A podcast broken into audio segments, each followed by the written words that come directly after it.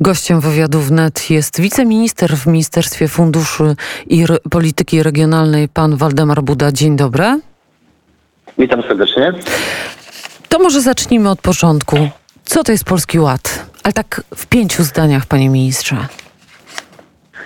To jest e, propozycja e, przemodelowania e, wielu segmentów życia społecznego i gospodarczego, dostosowując pewne segmenty do tego, co mamy dzisiaj po pandemii, też do takiego ambitnego podejścia Polski i Polaków do, do przyszłości, do rozwijania się, do chęci gonienia najlepszych. I to jest takie ambitne podejście, które da nam podstawy do tego, żeby czuć, że zmierzamy w kierunku krajów Europy Zachodniej, żeby czuć, że chcemy zarabiać tak jak oni i mieć komfort życia tak jak oni i chcemy być takimi pełnoprawnymi członkami Unii Europejskiej. To jest kierunek, który wyznacza Polski Ład. Pojawiają się zarzuty, że jest to program wyborczy PiSu i próba przykrycia niewywiązania się z poprzednich obietnic, choćby w kontekście mieszkania plus.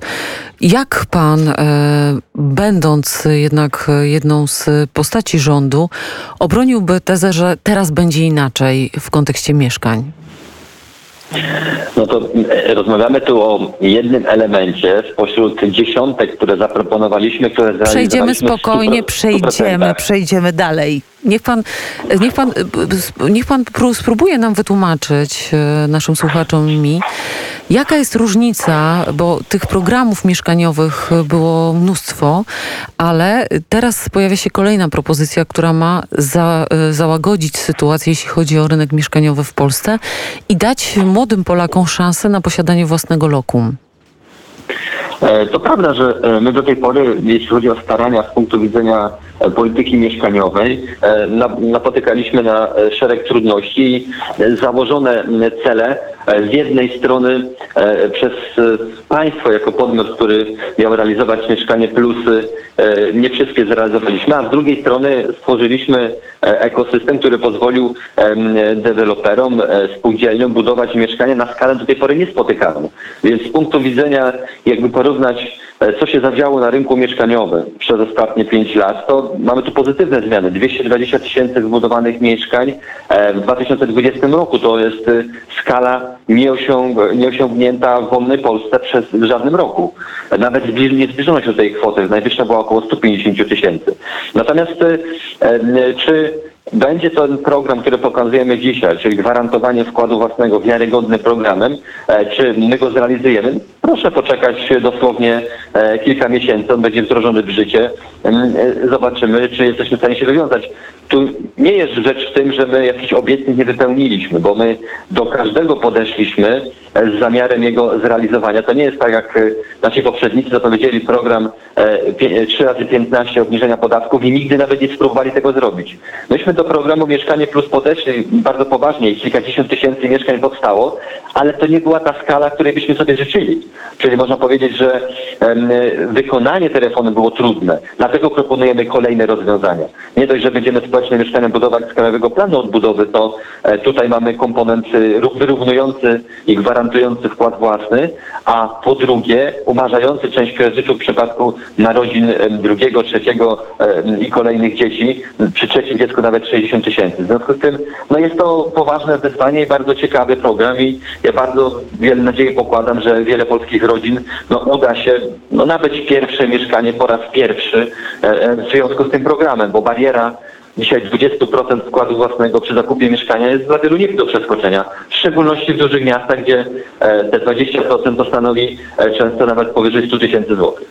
Dla właściwie pierwszych, pierwsze informacje, które pojawiły się po konferencji prezentującej Polski Ład, to była kwota 30 tysięcy wolnych od podatku. Dla kogo jest ta, ta kwota i czy ona dotyczy wszystkich Polaków płacących podatki, czy tylko tych, którzy osiągają dochód niższy? Niż 30 tysięcy. To jest oczywiście kwota wolna dla, dla wszystkich i e, e, przywracamy jaką, taki standard europejski. E, e, będziemy klasowali się, w, można powiedzieć, w czołówce krajów europejskich, jeśli chodzi o kwotę wolną. To jest taka cecha nowoczesnych systemów podatkowych, gdzie jednak najmniej zarabiający udział w podatku mają najniższy. Tak, tak być, być powinno, więc to jest propozycja dla wszystkich. Na co to się przekłada? Przekłada to się na to, że emeryci do kwoty 2,5 tysiąca w ogóle podatku nie zapłacą i osoby, które dzisiaj zarabiają minimalną, również tego podatku nie zapłacą. Więc część osób dzięki tej kwocie wolnej w zasadzie nie będzie płaciło w ogóle podatku dochodowego, a ta 91% w ogóle emerytów ta ta zmiana będzie o tyle korzystna, że no, ich podatek po prostu będzie obniżony, a 65% w ogóle go nie zapłaci. Mówimy też o tym, że wielu publicystów i dziennikarzy, komentatorów sceny podnosiło, że jednak obciążenie, które, które było bardzo istotne dla właśnie chociażby emerytów, zostanie, zostanie też obciążeniem tym, tym razem dla wzrastającej, budującej się klasy średniej, która w Polsce będzie musiała ponieść wyższe koszty niż teraz do tej pory. Jak pan by obronił nowy system podatkowy? No, wszyscy, którzy zarabiają się na umowę o pracę do 10 tysięcy złotych, to proponowane przez nas zmiany będą dla nich korzystne, czyli na nich zyskają. Już dokładnie 10 tysięcy to jest neutralne rozwiązanie dla E, dla tego typu osób. Natomiast wszystkie osoby, które mają dochody poniżej 10 tysięcy, e, to są osoby, które rzeczywiście e, na tym zyskają. I teraz jest pytanie, kto stanowi tę klasę średnią. W Polsce średnie wynagrodzenie jest na poziomie lekko ponad 5 tysięcy złotych.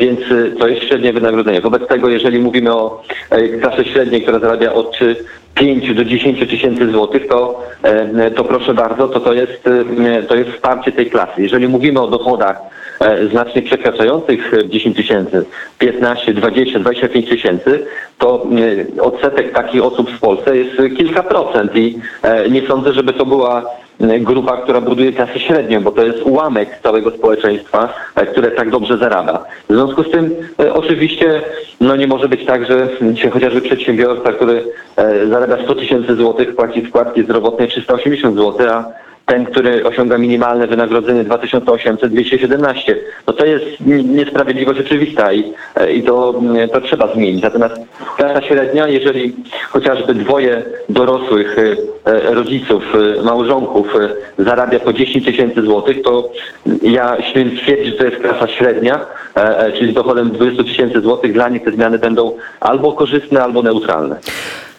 Etat y, jest to jednak przywilej starszego pokolenia i etat, y, szczególnie w środowisku, w którym ja się otaczam, mówię o dziennikarzach, jest rzeczą niebywałą wręcz, y, panie ministrze. Jaką propozycję państwo mają dla tych młodych ludzi, którzy właściwie o etatach to już zapomnieli i właściwie nawet nie myślą o tym, że pójdą do pracy i tam pracodawca zaproponuje im tę formę zatrudnienia? No, my e, e, ewidentnie zmierzamy w jednym kierunku i to wybrzmiało bardzo wyraźnie z ust prezesa Jarosława Kaczyńskiego. Chcemy, ażeby e, sformułować stosunek, podstawę do wykonywania pracy w większości na podstawie umowy o pracę, żeby niwelować te umowy śmieciowe, które To jest łatwo powiedzieć na poziomie haseł, ale jak pan, jak, jak państwo, na poziomie państwa, przepraszam, są w stanie zmusić prywatnego pracodawcę do tego, żeby albo grupę na przykład dużą medialną do tego, żeby zawierał umowę o pracę? Proste mechanizmy. Myśmy jeden już zastosowali kilka lat temu, wprowadzając stawkę godzinową przy umowie zlecenia. Nagle się okazało, że umów światowych jest o połowę mniej. O połowę mniej. Teraz trzeba zlikwidować e, dużą część tej pozostałej połowy, która nadal jest e, i będzie to polegało na tym, że e, do umów zlecenia trzeba przypisać wszystkie walory bliskie umowy o pracę, czyli chociażby składki na ubezpieczenie społeczne, emerytalne. W związku z tym ta formuła z punktu widzenia atrakcyjności i obchodzenia przepisów umowy o pracę będzie na tyle zbliżona do umowy o pracę, że nie będzie się opłacało umowy zlecenia podpisywać, a dzięki temu pracownik skorzysta na prawie do urlopu, kobiety prawie do urlopu macierzyńskiego, do wypoczynku, do chorobowego i do wszystkich tych rzeczy, których każdy Polak e, powinien mieć prawo, bo umowa zlecenia poza wszystkim, bo często nawet osoby na niej więcej zarabiają, a jak badania pokazują, e, te osoby e, najbardziej są e, e, zaniepokojone trwałością tego stosunku. Wolałyby nawet mniej zarabiać, ale mieć Tak. trwało stosunku. Czyli jak coś się wydarzy, chciałby móc e, być na chorobowym, chciałby móc otrzymać świadczenie e, jakieś zdrowotne, chciałby móc e, mieć e, te środki odkładane również na emeryturę. E, I z tego się bierze duży niepokój, nawet pomimo większych zarobków niż wymogą pracy. Więc e, my do tego zmierzamy i e, te rozwiązania do tego doprowadzą i skończymy z, e, jakby z obchodzeniem, można powiedzieć, kodeksu pracy w tych sprawach. Jakie pomysły pańskie albo pana ministerstwa z obszaru, którym pan się zajmuje, udało się umieścić w Polskim Ładzie? E, Jeśli chodzi o obszar Ministerstwa Funduszy i Polityki Regionalnej, to my tutaj przede wszystkim zajmujemy się środkami europejskimi. Tutaj Krajowy Plan Odbudowy jest e, takim narzędziem do, można powiedzieć, zaciągnięcia, wykorzystania wszystkich środków, które zostały wynegocjowane przez Mateusza Morawieckiego w poprzednim, e, poprzednim roku. E, I e, my oczywiście e, te wszystkie plany, które zapowiadaliśmy i bardzo długo e, przedstawialiśmy przez ostatnie tygodnie, one oczywiście będą realizowane.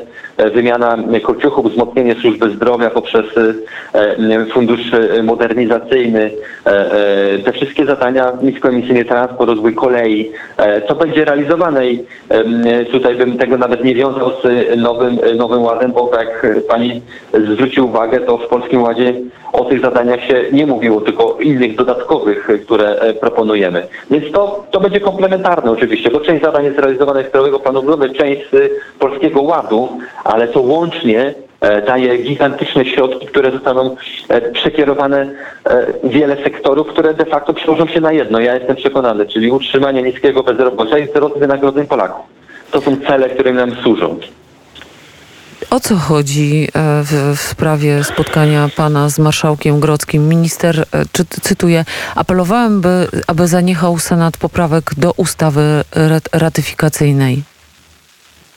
E, No tak, mamy oczywistą sytuację prawną, z której wynika, że każda, e, każde warunkowanie, e, e, każde dokładanie jakichś elementów, które byłyby e, podstawą do e, wzbogacania e, ustawy ratyfikacyjnej mogą spowodować jej nieważność, mogą spowodować jej kwestionowanie na poziomie Unii Europejskiej. Do tej pory 20 krajów dokonało ratyfikacji i żaden z tych krajów nie, doko- nie, nie, wstawiał elementów, które byłyby na przykład y, y, sugestią co do y, treści Krajowego Planu Odbudowy, więc ja będę namawiał i tłumaczył panu marszałkowi argumentami prawnymi, jakie może mieć konsekwencje działanie zapowiadane przez niego i przez jego obóz polityczny. No, nie dość, że znacząco może popsuć relacje na poziomie Polska-Unia Europejska, ale też może zablokować cały proces wdrażania Funduszu Odbudowy w Europie i to byłoby już wyjątkowo przykre, że Polska byłoby tu hamulcowym, a dokładnie Senat w tej sprawie. Ja chciałbym przedstawić y, argumenty i konsekwencje działania zapowiadanego przez marszałka. E, Z punktu widzenia ministra Funduszy Polityki Regionalnej nie chciałbym, żeby jakieś małe interesiki polityczne tej czy innej partii popsuły po pierwsze Wielki Fundusz Odbudowy Europejskiej, po drugie relacje europejskie, po drugie łamały prawo. No, wydaje mi się, że jeżeli to jasno postawimy, to e, wszyscy, którzy jednak e, e, argumentów słuchają, potrafią zmienić swoje zdanie i na to liczę, że tutaj żadnych poprawek do ustawy ratyfikacyjnej ostatecznie nie będzie. Biegał pan już dziś? Czy biega pan codziennie? Biega pan rano czy po południu? E, e, biegam, staram się codziennie, zawsze w nocy, e, czyli od 22 wzwyż. Pytam w kontekście tego, że organizował pan biegową pielgrzymkę e, na Jasną Górę. Czy w tym roku ta pielgrzymka się odbędzie? E, tak, oczywiście planujemy ją. Mieliśmy już cztery edycje i to jest e, dobra inicjatywa. E, 100% więcej uczestników każdego roku zgłasza się e, jako ochotnicy do, do uczestniczenia tej pielgrzymce, więc nie wyobrażam sobie, żeby jej nie było w tym roku, więc zrobimy wszystko, żeby się udało ją zorganizować. Myślę, że to będzie początek sierpnia, przełom lipca, sierpnia. A gdzie ta pan teraz politycznie biegnie? Jakie ma, mają państwo plany w ministerstwie na najbliższe dni, tygodnie? No, Proszę Państwa, my y, z punktu widzenia takiego zewnętrznego odbiorcy widzimy, że e, e, pan premier Mateusz Morawiecki wynegocjował gigantyczne środki w postaci tych 770 miliardów. I teraz, żeby Polska sięgnęła po te środki, to trzeba wykonać e, setki, jeśli nie tysiące czynności, które umożliwią absorpcję tych środków. A to oznacza, że będzie Czyli więcej etatów w ministerstwie? Absolutnie nie. Jedno założenie jest proste. e, W ramach tych struktur, które mamy, a być może nawet węższych, chcemy obsłużyć proces, e, który jest naprawdę dodatkowym procesem, bo Krajowy Plan Odbudowy to są dodatkowe środki, dodatkowe zadania, ale my e, w ramach obecnego składu chcemy wdrożyć te środki zarówno z umowy partnerstwa, czyli tej polityki spójności, jak i z Krajowego Planu Odbudowy. Żadnych dodatkowych etatów z pewnością nie będzie i stan zatrudnienia nie zwiększy się w stosunku do tego, co było w poprzednich latach. To będziemy obserwować. Wszystkiego dobrego. Gościem poranka wnet był wiceminister w Ministerstwie Funduszy i Polityki Regionalnej, pan Waldemar Buda. Dziękuję pięknie za rozmowę. Dziękuję bardzo i życzę miłego dnia. Życzę dobrego dnia. A teraz dla Państwa Częstograj. Czas na Częstograj.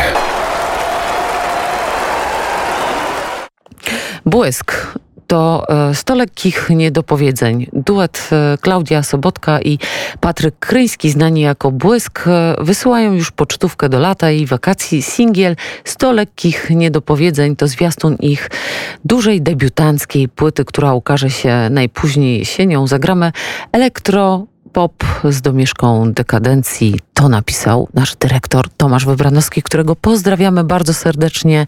To dla Państwa teraz błysk stoletni, stoletnich niedopowiedzeń.